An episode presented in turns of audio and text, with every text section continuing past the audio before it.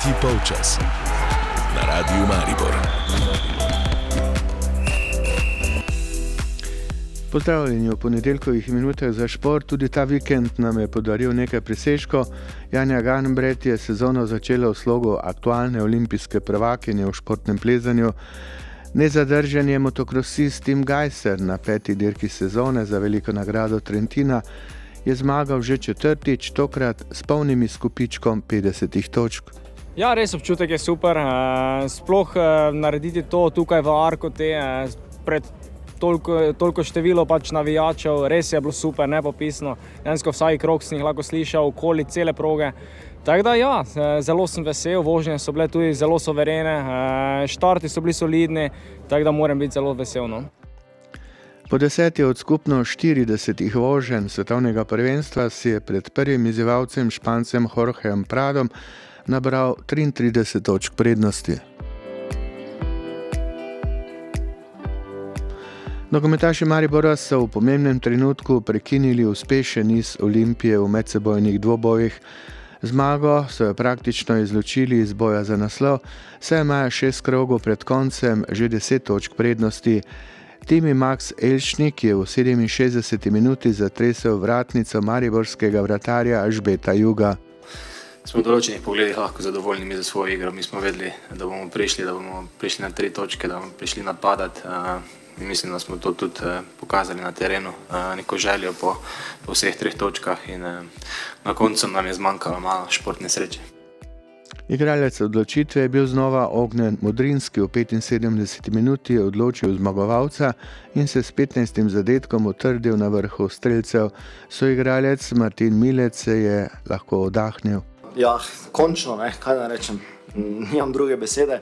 Vseeno zmaga v pravem trenutku, ko se prvenstvo lomi. Zelo smo zadovoljni, zelo smo srečni. Videlo se je tudi po koncu zadnjega žvižga, mislim, da to veselje. Najprej bi rad eh, pohvalil navijače, publiko, ki se je zbrala res v takem številu. Škoda za tisto kazen, ki smo jo prejeli, ampak eh, vseeno, res eno čudovito vzdušje, mislim, da se vsi strinjamo, ena dobra tekma in uh, hvala Bogu, tri točke so stavili. Z 18. zmago so se rešili drugega zasledovalca, ostaja pa Koper. Ta je zmagal proti celju s 3-1 ohranil tri točke za ostanka. Z Mariborom bo v 32. krogu igral v Ljudskem vrtu. Tudi zaradi igralnega urnika je Maribor vse bliže 16. lovoriki. Na svojem igrišču bo v petek gostil Kalcer, na to še, kot rečeno, Koper in pa Alumini. Gostoval bo v Sežani, pri Bravo in prvakini Murski soboti. Mura zmago proti Bravo z 2 proti 1 ogroža Olimpijo na tretjem mestu. Derbi v ljudskem vrtu je imel tudi tretji polčas, norenje navijaških skupin. Na tapeti bo zlasti organizator Mariborski klub, če tudi so z Gago delali zlasti z navednicah rečeno navijači Olimpije. Tekmo so prekinili z metanjem stolov na igrišče, ob koncu jo je skupil celo policist. Disciplinskemu sodniku ta teden ne bo zmanjkalo dela. Tretji polčas. Osrednja tema današnjega tretjega polčasa je judo. Slovenski šport je obogatil številnimi odličji z največjih tekmovanj. Pri vseh je bil kot generalni sekretar zveze soudeležen Franz Očko. V tej vlogi je začel v obdobju, ko so bili veseli vsake posamične zmage. Posamične zmage so se na to spremenile odličja na evropskih, svetovnih in pa olimpijskih igrah. Tako kot nekateri asi, ki razmišljajo o športni upokojitvi, je tudi sam pred koncem aktivnega delovanja v zvezi. No, s tolkimi leti se nekako lahko reče, da sem že tudi siva eminenca, več pa seveda delam kot še vedno na delovnem mestu kot sekretar zveze. Jaz mislim, da bom v kratkem tudi na to delovno mesto prišle nove moči in da bo, bo tudi tu prišlo do neke menjave, ampak zaenkrat pač eh, poskušamo eh, nadaljevati to našo uspešno zgodbo ki smo jo pač ustvarili v teh zadnjih 20-25 letih in da poskušamo ta naš šport držati tudi na, na tem nivoju, vsaj približno kot je bil. Težko je držati ne? judo na tako visokem eh, nivoju, kot je s to vašo eh, menjavo oziroma s tem vašim odhodom eh, se tudi v judoističnem svetu, ne se v Sloveniji, marsikaj spreminja, generacije se menjujejo, pa Eh, ko boste šli, če boste šli, bo ta dediščina dovolj ugodna za prihodnost? No, gledajte, če pogledamo nastavke, ki so danes in pa ko so bili takrat, ko smo pač mi vzeli, moja generacija, to zagovorim 30 let nazaj, to vodenje zveze, smo, so sigurno drugačni. So pa tudi druge stvari v svetu se spremenile, v tem našem športu, judo je en globalni šport, svetovni, konkurenca je izredna, velika, zdaj koliko mi to tu doma znamo predstaviti oziroma da so ljudje seznanjeni je druga stvar, ampak vseeno se s tem športom ukvarjajo na vseh kontinentih, v vseh državah. Veliko se to vlaga, eh, predvsem bivših eh, državah Sovjetske zveze, prejšnje, se pravi Rusije, potem tudi seveda Japonska, tradicionalna Koreja, Brazilija, eh, da ne govorim pa seveda tu v Evropi, Francija, Nemčija, Anglija, Italija, to so pa tiste vele sile, ki že standardno nekako ne, imajo veliko tradicijo in pa dobre nastavke za, za Eh, velike rezultate. Zdaj, mi, mi smo seveda v teh letih naredili, pa zaprav, kot bi rekel, eni pravi eh, čudež, eh, da, da na vseh olimpijskih igrah smo prenesli medaljo.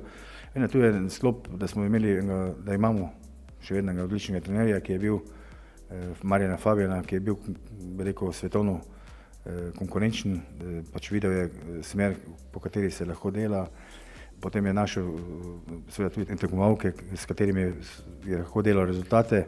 Mi smo zadnji suportirali eh, kot organizacija, koliko se je dalo in smo nekako vsi skupaj skupnimi močmi, da smo prepoznavni v tem eh, športu v Evropi in pa v svetu.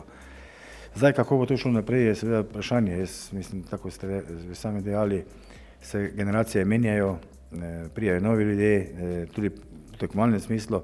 Je pa sigurno hendikep malih držav, da nekako težko črpaš toliko, toliko let, da se bo to skozi eno ponavljalo in da prijajo pač spolnim paci in jaz upam, da bo tudi mlajša generacija, kot sem že dejal v začetku, eh, da ima dobre nastavke, da bojo pač znali to naprej peljati in da bo našel novi očko pa novi Fabijan. Vas je kdaj eh, zabolela ta pozornost eh, do vašega športa? Evropske kolajne osvajate od leta 2002, ko je bilo Evropsko prvenstvo v Mariboru, pa potem na svetovnem prvenstvu, pa na olimpijskih igrah pa ste v primerjavi z drugimi športi, recimo, zanimivi, samo ko so olimpijske igre in ko so kolajne? Ja, tu moram reči, da včasih bi nekako pričakoval, da, da bi se tudi ta iz tega novinarskega dela eh, malo več pozornosti bilo za pričakovati. Zdaj, seveda je tudi to odvisno, koliko smo mi sami aktivni, mi smo mogoče na tem področju včasih malo pričakovali, da nas drugi eh, morajo bolj ceniti, pa nas morda ne. Tako da, glede na rezultate in glede na vse, kar je, eh, bi verjetno eh, kakšen članek bil lahko dobrodošel eh, tudi z druge strani, ne samo z naše. Ste še vedno paradna posamična disciplina slovenskega športa? Ja, mislim, da smo, eh, da še vedno tudi po zadnjih olimpijskih igrah in pa, če, če je seveda samo olimpijske igre merilo, pa tudi po vseh drugih Eh, segmentih, sam delam v Fundaciji za šport, se pravi, sem član sveta Fundacije za šport, spremljamo tudi druge športe, da vidimo, na koncu koncu tudi, ko se denar deli, se deli po nekih pravilih in tam smo v samem vrhu eh, individualnih športov in to je sigurno en od pokazateljev, da, da imamo pravo in zdravo bazo. Če so prej govorili o tem, da javnost eh, nekako ne sprejema vaše rezultate, tako kot rezultate v drugih športih, recimo atletiki, plavanju, zdaj v športnem eh, plezanju, pa so pokrovitelji bolj eh, nekako dobrosrčni, radodarnejši.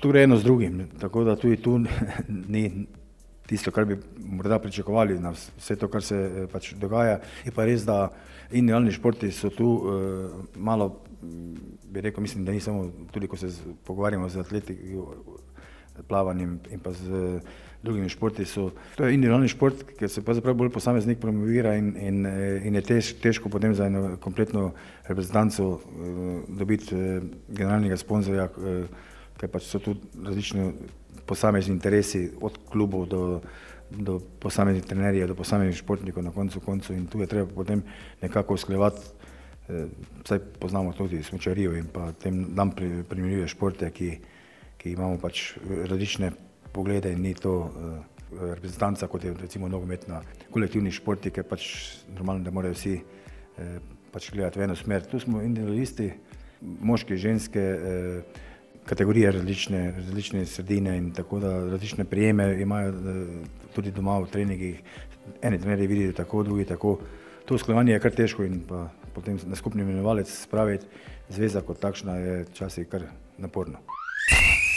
Tretji polčas. Gost tretjega polčasa je generalni sekretar Judo Zveze Slovenije Franz Očko. Nedavno so razglasili najboljša judoista za leto 2021. Največ točk sta zbrala svetovna podprvakinja Andreja Leški in Branikovec Enej Marinič. Ali novinca na judoističnem tronu napovedujeta menjavo generacij? Ja, sigurno je dejstvo, da se, da se tudi pri nas eh, se nekaj stvari menjajo, tudi v tem eh, tekmovalnem smislu.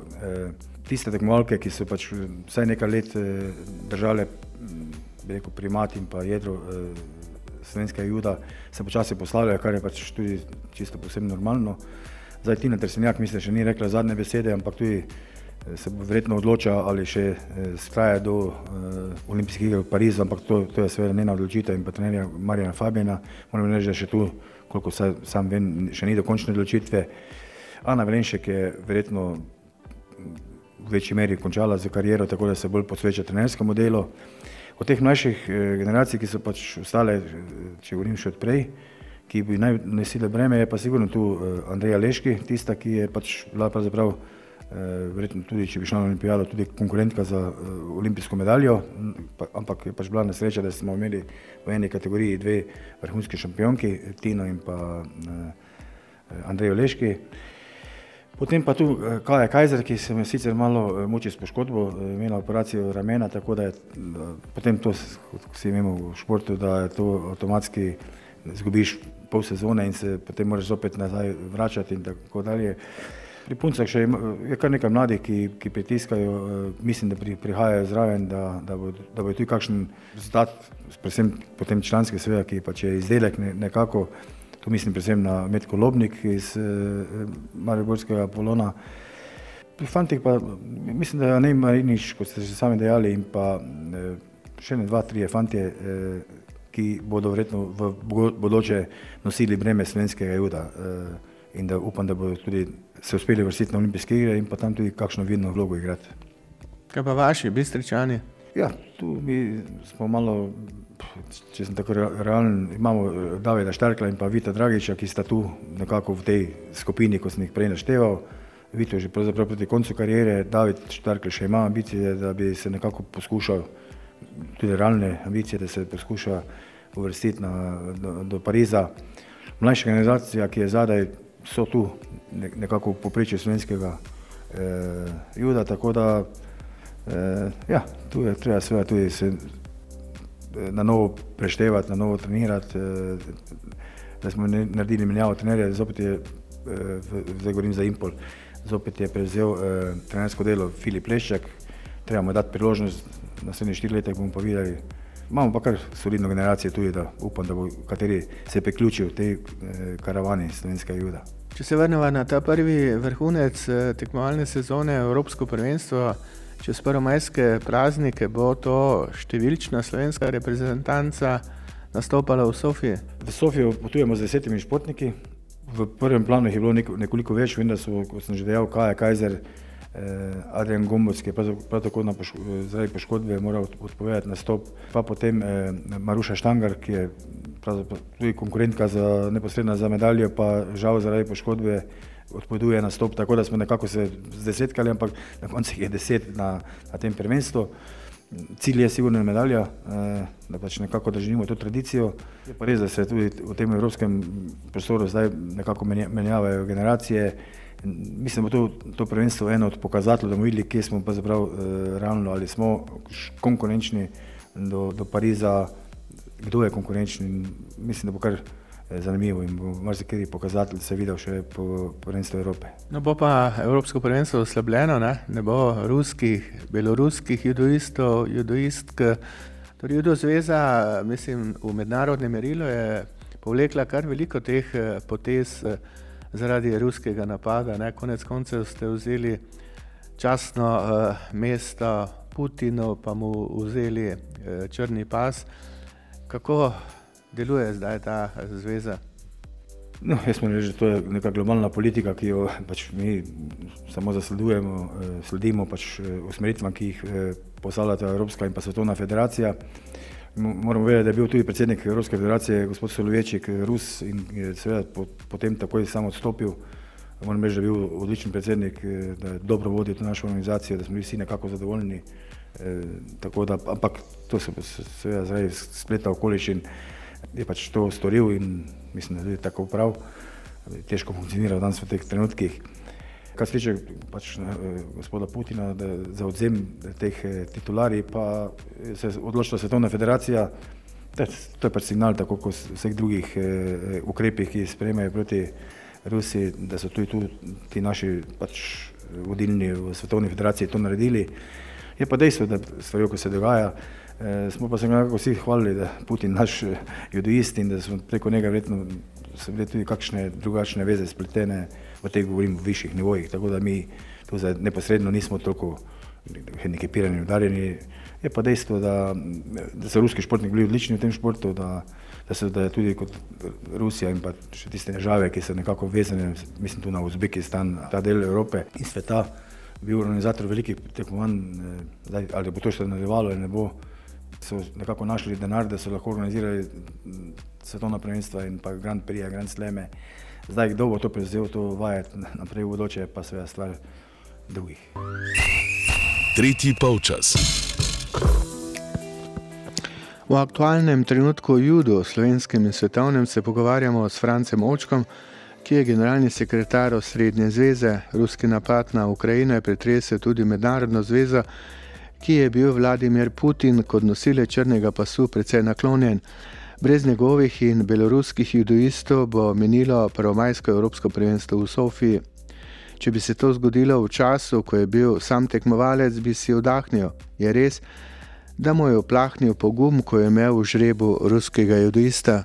To ni anekdota, to, to je pač realnost. Tako, mi moramo vedeti, da danes, eh, po razpadu Sovjetske zveze, je prišlo na, eh, na prvenstvo 15 bivših Rusov, če smo jih tako imenovali prej prišel eden, ki se je prej že moral doma izboriti in tisti je bil pravzaprav toliko dober, prav tako DDR takrat, ne, pravzaprav je bil napisan že za medaljo, ne, tako da vse, kar ni bilo medalje, je bilo čaranje za, za njih in to je, ne, to je bila nekakšna realnost, tako da si, da si bil v handikepu že v osnovi, ko si eh, slučajno na žrebu naletel na enega od teh predstavnikov iz teh držav. Čez 20 let Evropsko prvenstvo na Dunaju, finale, ženski finale nad 78 kg, Lucija Polauder, ruska predstavnica, boj pred Putinom in v drugi minuti zmaga Lucije Polauder nad uh, glavo višjo 20 kg, težjo nasprotnico, torej časi se spreminjajo. Ne? Ja, to je bilo pred 20 leti, sam sem bil eh, prisoten na tem tekmovanju kot sodnik. Eh, Sve smo vsi ponosni, še na koncu je po, predsednik Putin podeljeval medalje, z, malo z, Grenkovo je moral dati zlato medaljo naši Luciji, Polavder, ki so stojali, bila skoraj za, za eno glavo eh, nižja in pa za sigurno 20-30 kg lažja od nasprotnice. Malo sem že pozval ime, vem, da je imela švili, da je bila gruzijskega porekla. To so bili lepi trenutki, tako da smo nekako vsi uživali v tistem času, ko smo se mali eh, izenačili z velikimi. Takrat ste eh, na Evropskem prvenstvu bili v vlogi sodnika, ste še naprej v vlogi nadzornika sodnikov, boste na Evropskem prvenstvu v Sofiji? Ja, na Evropskem prvenstvu v Sofiji sem prisoten, tam nas je pet eh, teh, eh, se pravi predsednik naše sodniške organizacije in pa štirje člani komisije, skupno nas je devet, ki delujemo na, na kontroli vseh tekmovanj, ki so v Evropi. Se pravi, nekako se je Evropska federacija odločila, da eh, sodniška organizacija kontrolira vse tekmovanja, eh, ki se bodo kriljem Evropske federacije, od kadetov, mladincev, mlajših članov do članov. Eh, tega je vse skupaj okrog 57 tekm na, na, na nivoju Evrope v eni sezoni. Včasih smo dva, na, na Evropski slovenci smo trije, štirje, odvisno pač od koliko je tudi borilnih prostorov. Zaenkrat ostajam na, na tem položaju, ni videti, da bi me kdo zamenjal, ker pač to nekako te ni, ni, to niso volitve, to so pač imenovanja po nekem strokovnem znanju, ki si ga pač predhodno moral pokazati. E, tako da zaenkrat delujemo dobro. Ravno pred 14 dni nazaj smo v Lizboni izpeljali Evropski sodniški seminar, ker smo bili prisotni vsi in pa tudi predsednik svetovne sodniške organizacije, gospod Laskov iz Romunije, tako da smo nekako uskladili te kriterije in pa smernice za tolmačenje in pa gledanje pravil do olimpijskih iger v Parizu. Jaz mislim, da da je to kar prav, da smo to, da se tudi tako odločili za, za to kontrolo. No, ko ste prenehali biti tekmovalec, konec koncev je treba podariti, ste dvakratni olimpijec, ste vzgajali naslednike ali tudi eh, zdaj, ko ste sekretar, nekako vzgajate naslednika na tem eh, položaju? Ne, moram biti pošten, da ne, da, da pač eh, to se nekako mora sam zgoditi. Jaz sem, jaz sem vesel, jaz sem seveda tudi predsednik, novemu predsedniku in pa vsem eh, povedal, eh, kot veste, smo imeli lansko leto tudi turbulence z našimi volitvami, da smo skoraj leto dni bili brez eh, predsednika in brez izvršilnega odbora, da smo pravzaprav eh, kompletno organizacijo, vključno z olimpijskimi igrami in pa vsemi aktivnosti, ki so bile v letu 2021, eh, prijala z VD predsednikom gospodom Vladom Čušem in športniki in vsi ostali niso čutili, da, da, da, da kaj manjka. Ne. Je pa seveda vodstvo zveze mora biti eh, postavljeno in eh, tudi mesto sekretarja eh, se mora v nekem doglednem času razpisati za novega. Zdaj, kdaj, da, kdo bo to novi, ali mu jaz še pomagam par mesecev ali oziroma, da se nekako to, ta primo predaja naredi v tej smeri, je, je težko reči, ker je pač potrebno upraviti razpis, eh, videti, kdo sploh ima interes, kajti Eh, nekaj na papirju, nekaj pa potem eh, realnost, ki pač moraš vsem tem vzeti. Pa, tu je kar nekaj smo, pogovorov imamo seveda, da, da smo pošteni in da je nekaj kandidatov, zdaj pa imel neko fiksno, pa zaenkrat ni. Tudi po umiku sekretarskega mesta bo očko ostal povezan z Judom, najprej prek svojega kluba Impol in nadzorniške vloge v Evropski sodniški organizaciji. Judoisti in judistke imajo do Evropskega prvenstva še tri tedne. V tem tednu pa bodo na preizkušnje mariborski odbojkari in odbojkarice. Prvi bodo poskušali zmago v Kamniku podaljšati polfinale na še eno tekmo. Dekleta bodo s kalcitom v petek in v nedeljo odigrala prvi finalni tekmi. Mariborski nogometaši bodo tekmo 31. kroga s kalcerjem odigrali doma že v petek. Toliko v teh ponedeljkovih minutah za šport. Nasvidenje in srečno. Tretji polčas. Tretji polčas. Na radiju Maribor.